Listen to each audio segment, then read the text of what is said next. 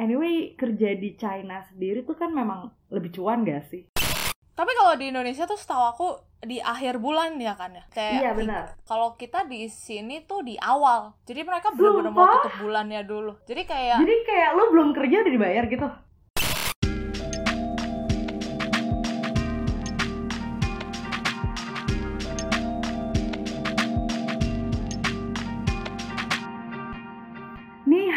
Sobat Baper Beijing. Selamat datang di podcast Baper Beijing. Di podcast Baper Beijing kali ini, gue Alivia Anandita bakal nemenin kalian sebagai host di Bincang-Bincang ala Permit Beijing atau Baper Beijing untuk ngobrolin hal-hal yang seru dan informatif. Gue mau kenalin narsum kita pada kesempatan hari ini ada Marcelina Santoso dan pada kesempatan kali ini gue mau ngomongin tentang pengalaman dunia kerja di Indonesia versus di Tiongkok. Mungkin akan lebih spesifik kali ya, lebih di Jakarta dan di Beijing gitu. Kira-kira ada nggak ya perbedaannya di antara dua lokasi ini? Dan dari mulai jam kerjanya, budaya kerjanya, socialize-nya, atau mungkin yang paling dikepoin para pendengar setiap ber Beijing? Gajinya ya, atau salary-nya. Nah, kebaca deh nih teman-teman Baper Beijing pasti kepo banget dan karena kita berdua, gue dan Marcel sama-sama punya pengalaman tinggal di Beijing untuk sekolah. Aku kuliah di Tsinghua dan Marcel kuliah di Pehang dan kebetulan kita sudah punya pengalaman kerja di middle level. So, kita bakal share pengalaman kita untuk kalian semua. Halo Marcel, apa kabar? halo, baik-baik. Gimana di sana? Aku di rumah nih di Depok, alhamdulillah sehat, stay safe. Sehat yang Mm-mm. penting. Iya. Penting, bener banget di dalam kondisi kayak gini pokoknya kita harus sehat terus. Nah, kita bakal bahas pengalaman kerja di Indonesia versus di Tiongkok atau kira-kira ya pengalaman di, di Jakarta atau di Beijing nih. Sebelum masuk ke topiknya, boleh silahkan buat Marcel untuk memperkenalkan diri. Oke, halo semua. Gue Marcelina Santoso, eh, biasa dipanggil Marcel. Terusnya gue itu lulusan Peihang University, jurusan Bioteknologi di Beijing. Dan sekarang juga lagi kerja di Beijing juga. Em, mungkin itu aja kali. Keren banget bioteknologi. Temen gue tuh ada ya Sal, Uh-uh. yang bioteknologi juga. Uh-uh. Dia kayak fokus uh, benerin kayak itu kan bio which is kayak medical teknik gitu kan. Tapi Iya. kayak menggabungkan dengan artificial intelligence itu keren banget. Anyway Sel akhirnya lo memilih sekolah di China di Pehang kan ya? Iya benar. nah itu sebenarnya pertimbangan lo apa sih hingga akhirnya lo ambil bioteknologi juga? Eh, kalau bioteknya itu memang dari SMA sih ya, memang eh, jadi kebetulan karena sukanya biologi dan gak gitu tertarik untuk jadi dokter. Eh, bukan karena dokter it's not good job atau gimana, tapi untuk dari akunya nggak gitu tertarik untuk jadi dokter.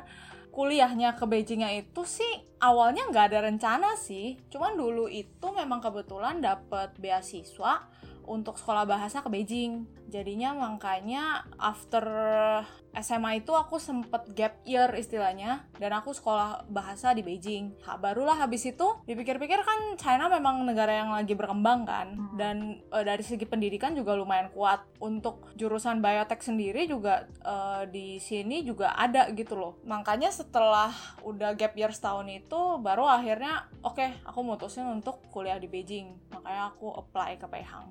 Nice, susah nggak sih anyway sampai akhirnya lo bisa diterima di Pehang? Kira-kira apa nih yang bisa di-share ke teman-teman gimana tips and tricksnya buat bisa keterima di Beijing, di China, di Pehang gitu gimana? yang eh, sebenarnya yang lumayan tricky itu karena kan kayak aku kan backgroundnya itu SMA-nya di Indonesia, which mean eh, dulu belajar k- eh, dari kimia, biologi eh, dan segala macam pelajaran itu semua dalam bahasa Indonesia. Sedangkan waktu aku apply ke Pehang itu aku mau ambilnya program dalam bahasa Mandarin dan which mean nanti kelasnya dari fisika, kimia, biologi itu semuanya dalam bahasa Mandarin yang aku nggak pernah belajar sama sekali gitu kan. Makanya Ah. kenapa eh, di satu tahun yang belajar bahasa itu juga sempet ikut kelas persiapannya istilahnya basicnya jadi basic basic untuk kayak matematika fisika kimia aku ambil kelas itunya dulu.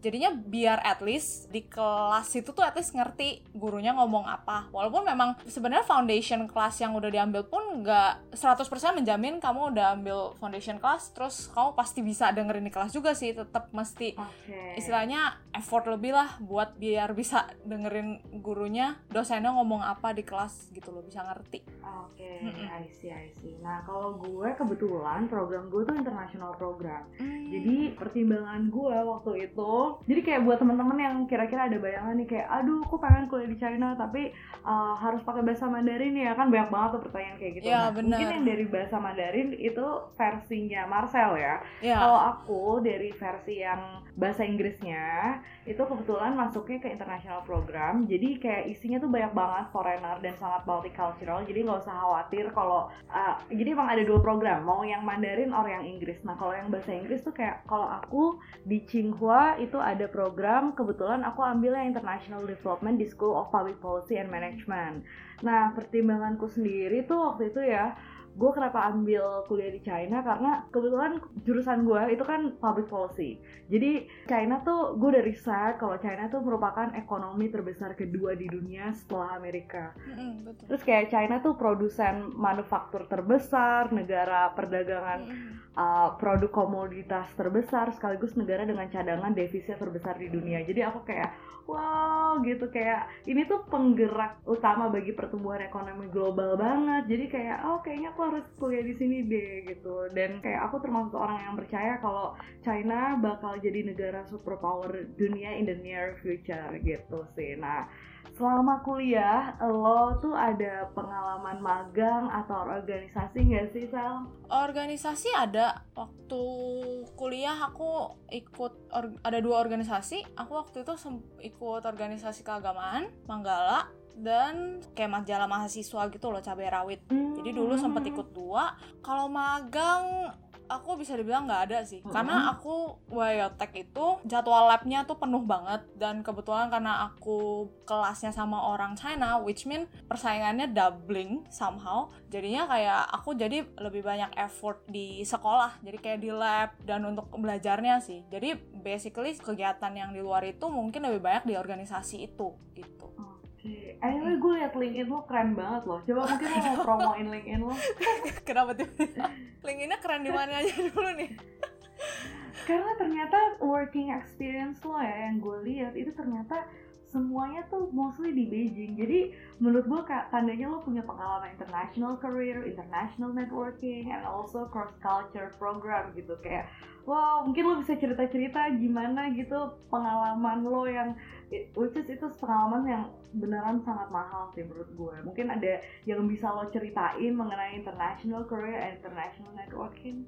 Oh, kalau untuk karir ya, eh, dulu sih awal-awal memang sempet eh, mikir untuk nyari kerja untuk di bidang bioteknya sendiri. Cuman memang karena kondisi yang satu dan lainnya memang nggak nggak gitu mendukung. Makanya kenapa aku mikir sebenarnya kerja itu kan nggak harus sesuai sama jurusan kuliah karena sekarang dengan perkembangan zaman yang kayak gini sebenarnya dengan skill yang kita punya di berbagai bidang lainnya pun kita bisa dapat kerja yang kita mau gitu makanya waktu itu aku startnya itu aku eh, jadi international sales, sales ex- executive yang eh, basically lebih ke perdagangan internasional ya. Waktu itu lebih kayak impor ekspor gitu dan segala macam sebenarnya waktu itu juga itu juga challenge sih. Karena kan memang eh, satu aku nggak ada background yang berhubungan dengan situ. Cumannya memang salah satu kelebihan yang aku tetap usung sampai sekarang itu like multilingual aku. Jadi kayak Chinese Inggris bahasa Indonesia eh, dan bagus di tiga-tiganya itu sangat membantu untuk di dunia kerja gitu.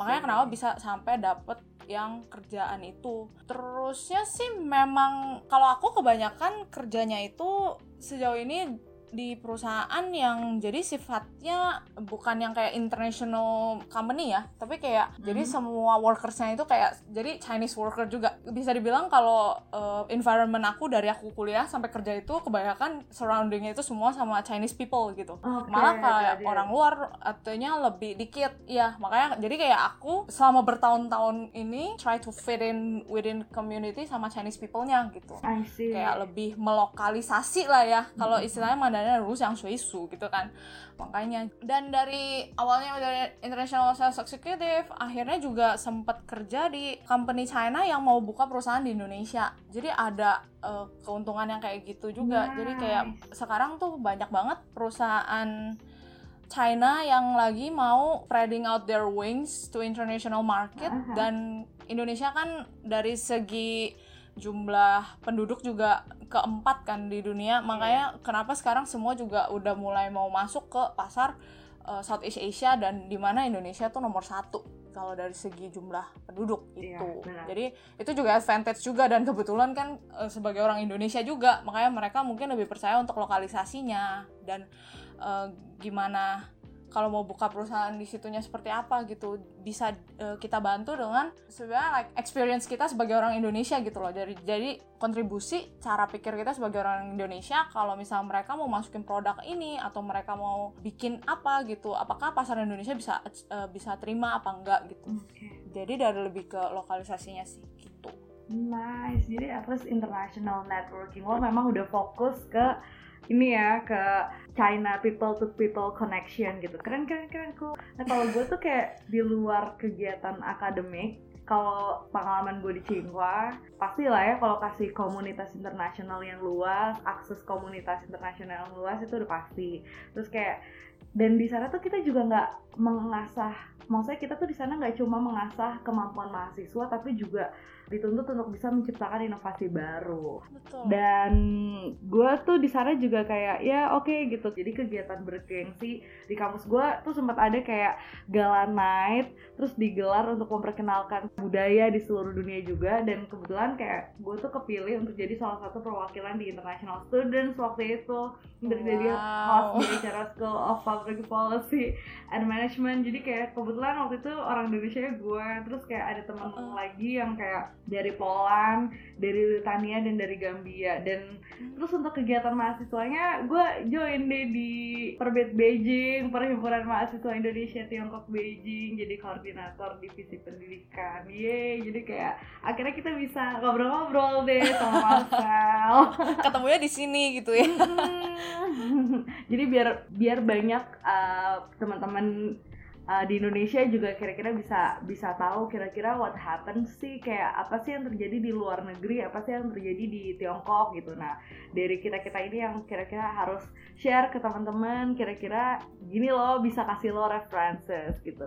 So anyway ini pengalaman working experience lo lo bisa ceritain deh kira-kira detailnya gimana. Karena kan lo kuliah di Pehang terus uh, tadinya biotechnology terus lo sekarang kerja di data project manager di company Joy Inc. Nah itu gimana pengalaman lo kayak kira-kira apa sih yang lo kerjain terus apa sih rutinitas lo keseharian lo tuh seperti apa sih? Oh kalau keseharian uh, jadi sekarang itu aku kerja di Joy Inc itu uh -huh. di bagian artificial intelligence departmentnya. Cool. Jadi basically aku uh, bantu support untuk uh, data. Jadi untuk range data yang untuk mereka train ke mesinnya gitu lah. Kan itu sebenarnya kan artificial intelligence itu kan lebih related ke machine learning ya. Uh, yang di mana jadi uh, kita siapin datanya untuk melatih mesinnya itu biar gimana mereka bisa nantinya mandiri untuk respon dan segala macam. Dan aku lebih uh, lebih banyak bergelutnya di manajemen data sama persiapan data sama QA juga sih kalau untuk itu. Terusnya kalau keseharian sebenarnya mungkin sama ya kayak di aku nggak tahu sih kalau mungkin di Indonesia juga uh, jam kerja dari pagi terus dari jam 9 setengah sepuluh sampai malam kira-kira jam setengah tujuh jam tujuh lah gitu. Kecuali kalau memang ada ada kerjaan yang belum beres atau apa ya mau nggak mau harus lembur gitu. Sebenarnya basicnya sama sih kalau itu. Terusnya kalau di Beijing sendiri menurut aku karena semua orang bergerak dengan cepat ya. Jadinya mm-hmm. aku pun keseharian aku aku ngerasa kayak lebih cepet daripada aku kalau lagi di Indo aku ngerasanya kayak gitu. Iya, benar, jadi kalau lagi kerja di iya, sini kayak semua doubling gitu kayak jalan aja kalau kayak lama sedikit tuh kayak berasanya kayak kita temponya nggak iya, sama iya, gitu. iya. jadi even di uh, da, di kantor pun juga gitu. Jadi kayak tempo lah dari efektivitas lah semua. Kayak aku sendiri juga ditantang untuk kayak oke okay, kita mesti uh, walaupun aku mungkin sebagai foreigner di sini tapi uh, tetap harus bisa uh, punya daya saing sama orang sininya gitu loh. Makanya kenapa aku bisa kerja di situ gitu nice. Bener-bener sih kalau saya lo bilang kayak iya tempo di sana tuh cepat gitu. Iya, iya bener kayak gue waktu kuliah jalan tuh lagi dibenerin lah dicor gitu. Itu gue masuk kelas itu lagi dibenerin gue keluar kelas itu udah jadi jalannya. Jadi gue kayak cepet banget. speednya.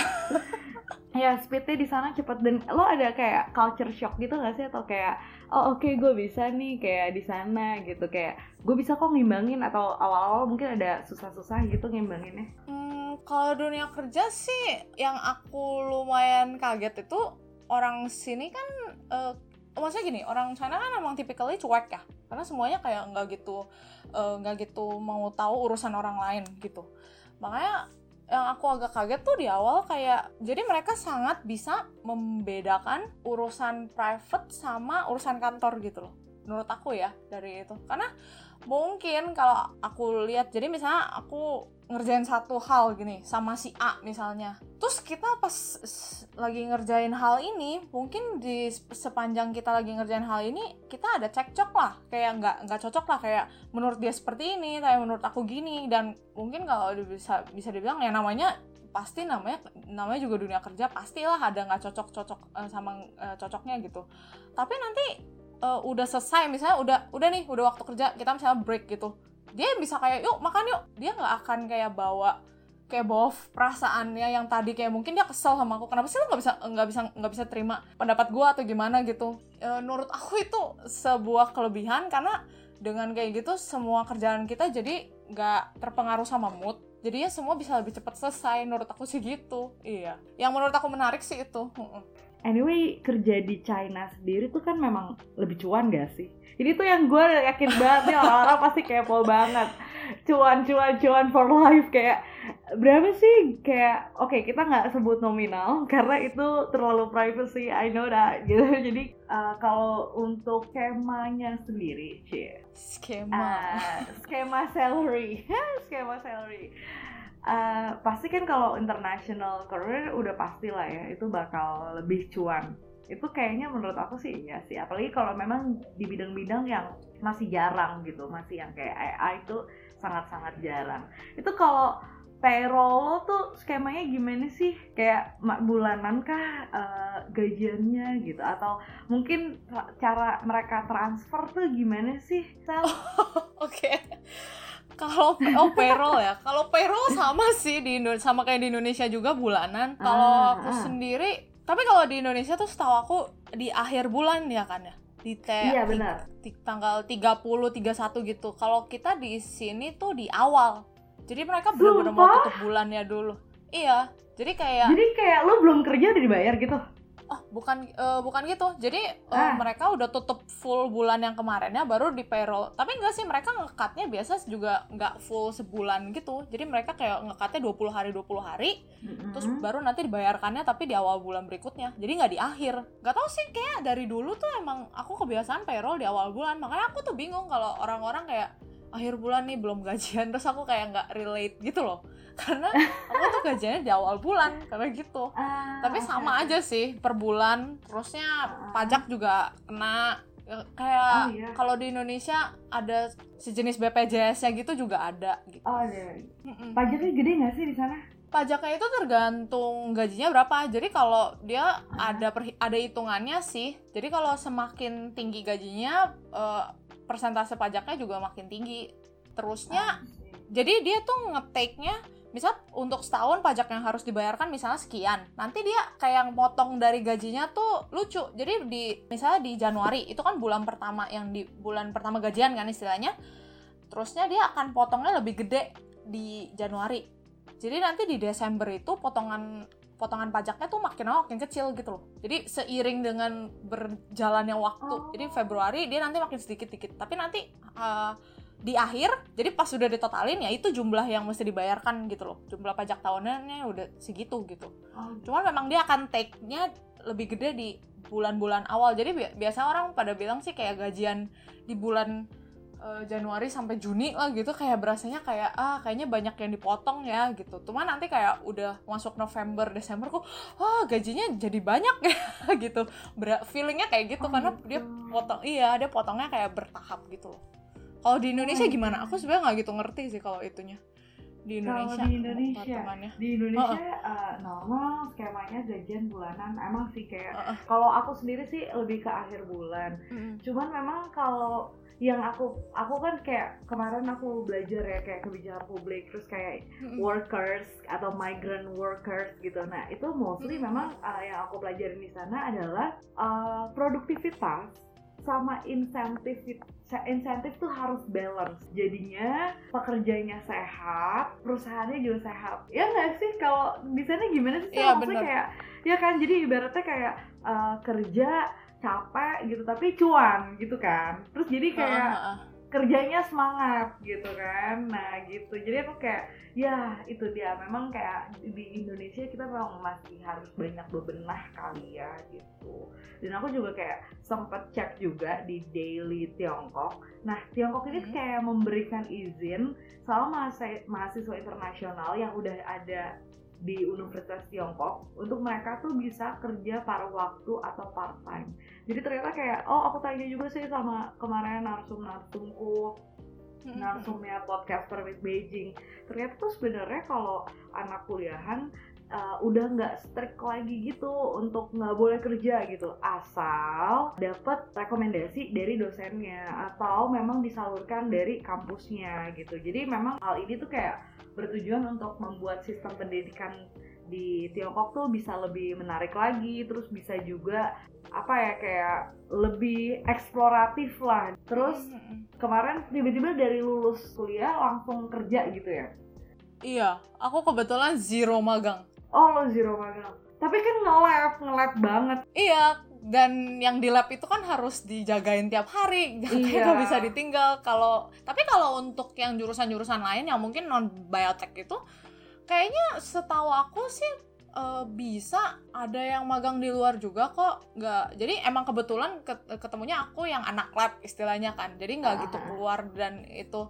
Tapi kalau yang di teman-teman yang lain sih ada kok yang magang juga waktu kuliah gitu karena memang namanya mereka juga ngerasa oh uh, udah jauh-jauh sekolah ke sini kan kalau nggak ada pengalaman kerja di sini juga sayang gitu loh benar, dan benar. yang paling banyak sih yang aku lihat itu kalau nggak di antara mereka pas summer break mereka sengaja nggak pulang untuk kerja atau mereka di tahun terakhir yang mereka mungkin kelasnya udah nggak ada makanya mereka baru cari magang aku ngelihatnya dua itu lebih banyak sih kalau untuk magang ya aku agak penasaran satu hal sih jadi kamu kan berarti udah sempet kerja di publik eh, maksudnya di instansi pemerintah sama di swasta bener gak? Uh, uh. apa sih perbedaan yang paling besar lah kalau dari sudut pandang kamu gitu loh bekerja untuk pemerintah sama yang swasta gitu? Sebenarnya sama ya. Jadi kan aku memang uh, kalau kalau ketemu tuh emang kayak ketemunya berbagai lapisan masyarakat karena memang pelayanan terkait dengan pelayanan publik dan pemerintahan. Kalau di swasta sama sih so far nggak nggak nggak terlalu beda karena memang itu wartawan politik terus aku kerjanya langsung. Jadi kayak dulu tuh waktu jadi wartawan kayak mengkritis ini kenapa sih pemerintah gini? Kenapa sih pemerintah gini? Gitu. Terus ketika gue magang di jadi di di sektor pemerintahan gitu ya di DPR kayak oh my god ternyata capek loh gitu. Ternyata capek loh kerja jadi pemerintah gitu. Misalnya kayak ternyata capek loh banyak yang diurusin kayak belum lagi memang sistemnya yang belum mature gitu jadi kayak ah gitu hmm. kayak oh, oke okay. jadi kayak oke okay, sekarang gue rasa gue nggak cuma harus mengkritik aja tapi juga kasih solusi kasih kontribusi gitu sih.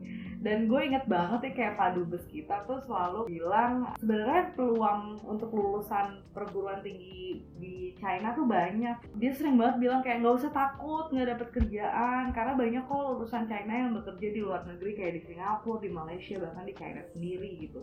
Bahkan uh, sebagai perwakilan perusahaan Indonesia yang beroperasi di China gitu. Terus kalau peluang kerjanya yeah. juga terbuka banget kalau winter break gitu. Kan kalau winter break banyak banget ya orang-orang China tuh uh, liburan ke luar negeri gitu. Atau misalnya oh, ke iya, Indonesia. Bener. mereka suka banget liburan ke Bali gitu misalnya. Tapi kayak butuh banyak translator gitu. Jadi kayak oh iya nice. Lo ada gak sih pengalaman di Beijing yang bener-bener kayak oh my god this experience really blew on my mind gitu. Ada nggak kayaknya Beijingnya sendiri menurut aku kayak segini lama tinggal di Beijing kayak tiap mm -hmm. tiap tahun deh kayaknya ada aja yang bikin kayak wah kayak walaupun maksudnya kita udah mungkin untuk aku udah tinggal di sini kayak bertahun-tahun kan jadi harusnya udah tahu lah Beijing kayak gini tapi kayak menurut aku untuk inovasinya sendiri sih dari inovasi yang dari kotanya, dari servisnya, dari untuk kehidupan uh, masyarakatnya gitu selalu ada uh, aspek baru, terutama yang disupport dari uh, sisi teknologi ya, yang selalu bisa bikin kayak aku, wah ternyata masih ada aja yang bisa mereka kerjain dan bisa bikin kita yang udah lama tinggal di sini pun wah gitu loh. Jadi kayak aku ngeliat Beijing tuh maju mm -hmm. gitu loh. Jadi yang kayak dia tuh nggak stagnan yang kayak aku tinggal di sini bertahun-tahun terus kayaknya ini kota gini-gini aja gitu nggak ada feeling itu sama sekali gitu. Malahan kayak waktu itu mungkin yang the simplest thing itu kan aku udah lama di sini ya. Kan berat aku tuh kau berapa tahun yang, sih jadinya? Aku tuh tahun ini tahun ke 10 oh my god serius? Gila kan ya, lama banget ya jadi terus terus terus iya jadi udah udah udah kayak fosil di sini terus. uh, terus, aku tuh dulu kan kita kan semua punya uh, kartu itu transport itu kan dari zaman pertama kali datang ke Beijing itu kan uh, tap uh, untuk uh. naik subway lah untuk naik uh. bus itu selalu bawa-bawa kartu itulah ke mana-mana uh, dari yang zaman yang kayak gitu sampai sekarang orang-orang tuh udah tinggal semua dikit-dikit udah tinggal pakai HP di scan. Atau untuk payment yang dulu semuanya masih zaman aku datang tuh masih cash masih ada. Sampai sekarang udah cashless. Literally semua orang mau bayar apa ya udah tinggal uh, kalau nggak WeChat uh, WeChat Pay ya kalau nggak Alipay gitu. Udah langsung di scan aja. Jadi semua kayak bener-bener dari dulunya kayak gitu sampai sekarangnya bergulir sampai kayak gitu tuh menurut aku tuh bener-bener aku ngelihat perkembangannya banyak banget deh. Dan menurut aku sih kan banyak orang yang bilang sekarang Indonesia itu kayak China 10 tahun yang lalu kan. Jadi kayak aku juga berharapnya mungkin Indonesia ke depannya uh, perlahan-lahan juga kayak step by step akan maju kayak uh, maju sampai China yang di posisi sekarang ini gitu loh. Walaupun memang itu pasti take time sih. Uh, semua juga butuh usaha butuh untuk uh, berkembang gitu kan tapi nur tapi aku bener-bener amazed di situ sih. Kayak China tuh nggak berhenti berkembang. Walaupun mereka sekarang udah hitungannya negara maju tapi mereka tetap innovate. Apa yang mereka bisa bikin lebih bagus gitu loh. Mereka nggak berhenti istilahnya. Kayak okay. keep innovating gitu sih. Hmm. nah terus kira-kira ada saran-saran nggak buat kayak temen-temen yang udah lulus dari China atau yang benar lagi mau lulus atau temen-temen yang lagi cari kerja juga nih? Kira-kira gimana sih caranya kalau mau kerja di China kira-kira uh, pakai platform apa yang paling sering banyak dipakai sama perusahaan-perusahaan yang ada di China? Kalau platform untuk cari kerja, aku lihat sekarang kan lumayan banyak. Cuman kayaknya yang sekarang lebih populer itu kayaknya Boschpin itu masih. Itu salah satu uh, nama aplikasi cari kerja di sini juga. Terus ada 51 Job juga. Hmm. Terus yang aku yang aku lihat yang masih lebih banyak dipakai itu. Cuman kayak bos Chipin itu kalian mesti uh, menurut aku kal uh, kalau mau cari kerja di China selain kalian semangat cari kerjanya tapi kalian juga mesti hati-hati. Karena gak semua profil kantor yang di platform-platform cari kerja ini tuh kayak verified gitu loh. Okay. Jadi kalian kayak sebelum kalian misalnya udah apply kerja dan misalnya orangnya kontak kalian untuk datang ke sana untuk itu, sebelum itu kalian pokoknya mesti do your homework kayak kalian cari tahu itu perusahaan apa pernah uh -huh. ngepost eh, job di tempat lain atau apa atau ada uh, istilahnya do background checking dulu lah jangan asal hmm. pergi interview gitu loh ke tempat iya, yang bener -bener. mungkin kamu juga nggak tahu gitu demi keamanan sendiri juga ya jadi uh, walaupun memang mesti semangat mes terus kalau ditolak pun jangan patah semangat ya mesti Aha. cari lagi cari lagi tapi tetap mesti bijaksana untuk keamanan diri sendiri gitu. Terusnya kalau untuk cari kerja sekarang kan LinkedIn juga sebenarnya banyak loh eh, perusahaan-perusahaan China yang udah nyari eh, orang foreigner gitu. Foreigner itu dicarinya lewat LinkedIn juga ada. Terus juga ada grup-grup WeChat yang mungkin ada komunitas-komunitas internasional yang mereka biasanya bakal saling sharing kalau misalnya ada job eh, job hunting gitu. Terus juga ada juga job fair tapi yang dikhususin untuk foreigner. Jadi nanti untuk perusahaan-perusahaan China yang mau cari foreigner itu akan ikut biasanya gitu. Itu juga ada. Jadi sekarang menurut aku untuk sekarang channel untuk cari kerja di sini jauh lebih banyak daripada dulu sih. Dan itu em, memudahkan. Maksudnya mereka juga welcome untuk punya punya pegawai foreigner di perusahaan mereka gitu. Jadi ke kebutuhan kebutuhan akan international workers tuh di China peluangnya gede dong ya. makin ke sini aku lihat makin besar sih. Apalagi dengan mereka sekarang banyak perusahaan yang mau spreading ke all over the world. Gak cuman Indonesia. Misalnya kayak mereka mau ke spread ke Korea mau ke Brazil mau ke itu. Jadi kayak makin spesifik gitu loh Nice, permintaannya. Oke, tapi memang oke. namanya juga kesempatan gak selalu ada kan makanya tetap persaingan pasti ada lah tapi menurut aku kalau memang niat dan mau berusaha sih bisa aja sih I untuk see, dapat I kerja di see. sini gitu. Oke, gue akan menjelaskan kalau yang kira-kira mau jadi jurnalis di Indonesia. Mungkin ini agak-agak Ah, challenging. iya tuh.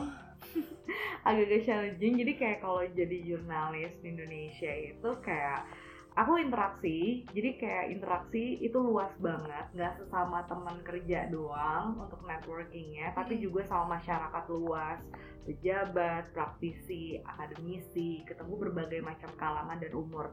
Dan ini tuh bikin aku lebih fleksibel dan membentuk self development diriku sendiri. Jadi hal ini tuh kayak ngajarin aku untuk nggak minder ketika diskusi sama orang yang level atau usianya lebih di atas aku atau pengalaman yang misalnya kurang beruntung dan aku nggak boleh sombong gitu. Jadi lebih dinamis lah Hmm, betul. kalau mau ja- jadi wartawan kebetulan kalau jam kerjanya sendiri nah wartawan itu kan biasanya kerja tuh dibagi empat shift kalau di uh, liputan reguler itu bisa malamnya tuh bisa jam 9 atau jam 10 atau dari malam ke pagi atau subuh ke siang gitu jadi kayak kira-kira dibagi Mhm. aja lagi kayak polisi gitu lah ya kayak kira-kira jaganya di jam berapa gitu nah nanti kalau kondisinya misalnya ada bekerja di bawah kendali operasi atau misalnya kondisi emergency, nah itu harus siap ditempatkan atau ditugaskan di mana aja. Dan aku sih bersyukur ya sejauh ini aku bisa punya pengalaman yang luar biasa, kayak aku bisa keliling Indonesia, bisa belajar banyak hal, bisa jadi mata dan telinganya masyarakat. Jadi mungkin rezeki itu banyak bentuknya, tergantung kita pengennya Ya, apa. Kalau seandainya kita pengen orientasinya pengalaman, mungkin ini bisa jadi salah satu opsi kalau seandainya pengen uh, cuan mungkin bisa masuk ke yang sifatnya bisnis gitu kali ya atau mau yang lebih inovatif Iya, heeh. misalnya tech gitu dan kayak prioritas orang kan beda-beda jadi kayak balik lagi ke pribadi orang masing-masing gitu oke Iya, nih betul. Hmm, sampai juga kita di penghujung acara guys Ah. Anyway, gue juga mau ngasih tau kalau topik kita kerja di Indonesia versus di Tiongkok atau lebih spesifik Jakarta Beijing. Ini berdasarkan pengalaman dan observasi gue dan Marcel pribadi ya Sel ya. Iya, betul. Nah, anyway, closing statement deh. Tipsnya atau yang harus disiapin sama anak-anak yang pengen kerja di Tiongkok. Kalau dari aku mungkin Hmm. satu itu daya juang sih, harus ada. Kalau Keren, itu benar Iya. sih. Terus, karena jujur aja persaingan di sini untuk orang China-nya sendiri pun udah ketat. Kita sebagai foreigner yang istilahnya numpang istilahnya kan di negara orang, pasti akan ada standar yang di saat mungkin orang China itu kerjainnya segini mungkin udah dianggapnya wah, tapi kalau kita sebagai foreigner mungkin harus yang bagaimana baru bisa dianggapnya wah gitu loh. Jadi harus punya daya juang tinggi dan menurut aku untuk misalnya teman-teman yang sekarang mungkin kuliahnya apa eh, mungkin nanti eh, takut aduh eh, kerjaanku nggak sesuai sama kuliah nih.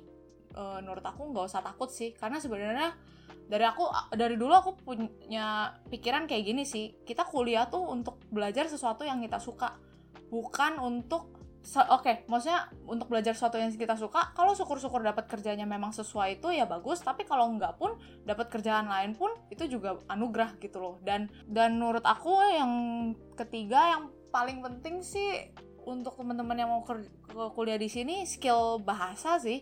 Itu juga salah nah, satu poin penting. Benar. dan juga yang paling penting menurut aku ya ini banyak yang menurut aku teman-teman Indonesia tuh kayak suka uh, kayak ignore gitu padahal ini menurut aku lumayan penting. Bahasa Indonesia pun kalau bisa yang bagus. Karena gimana ya kita sebagai orang Indonesia kadang un apalagi hmm. untuk yang perusahaan-perusahaan China yang mau buka pasar di Indonesia itu benar-benar butuh orang yang nggak cuman tahu Indonesia tuh gini-gini gini tapi bisa berkomunikasi dengan baik gitulah. Dan skill bahasanya bahasa selain bahasa Mandarin misalnya uh, perusahaannya perusahaan China bahasa Indonesianya pun juga harus bagus lah istilahnya sebagai orang Indonesia gitu loh. Jadi tiga itu aja sih menurut aku. Ya, jadi kalau memang merantau effortnya harus lebih gitu kan. Kalau merantau tuh iya, benar-benar ya, harus nggak ha, nggak bisa kayak kayak misalnya di dalam negeri gitu. Jadi buat teman-teman yang lagi merantau atau yang mau merantau, tetap semangat ya. Sebagai generasi muda harus aktif untuk membangun negeri, berkontribusi, kasih inovasi baru agar Indonesia bisa jadi lebih baik.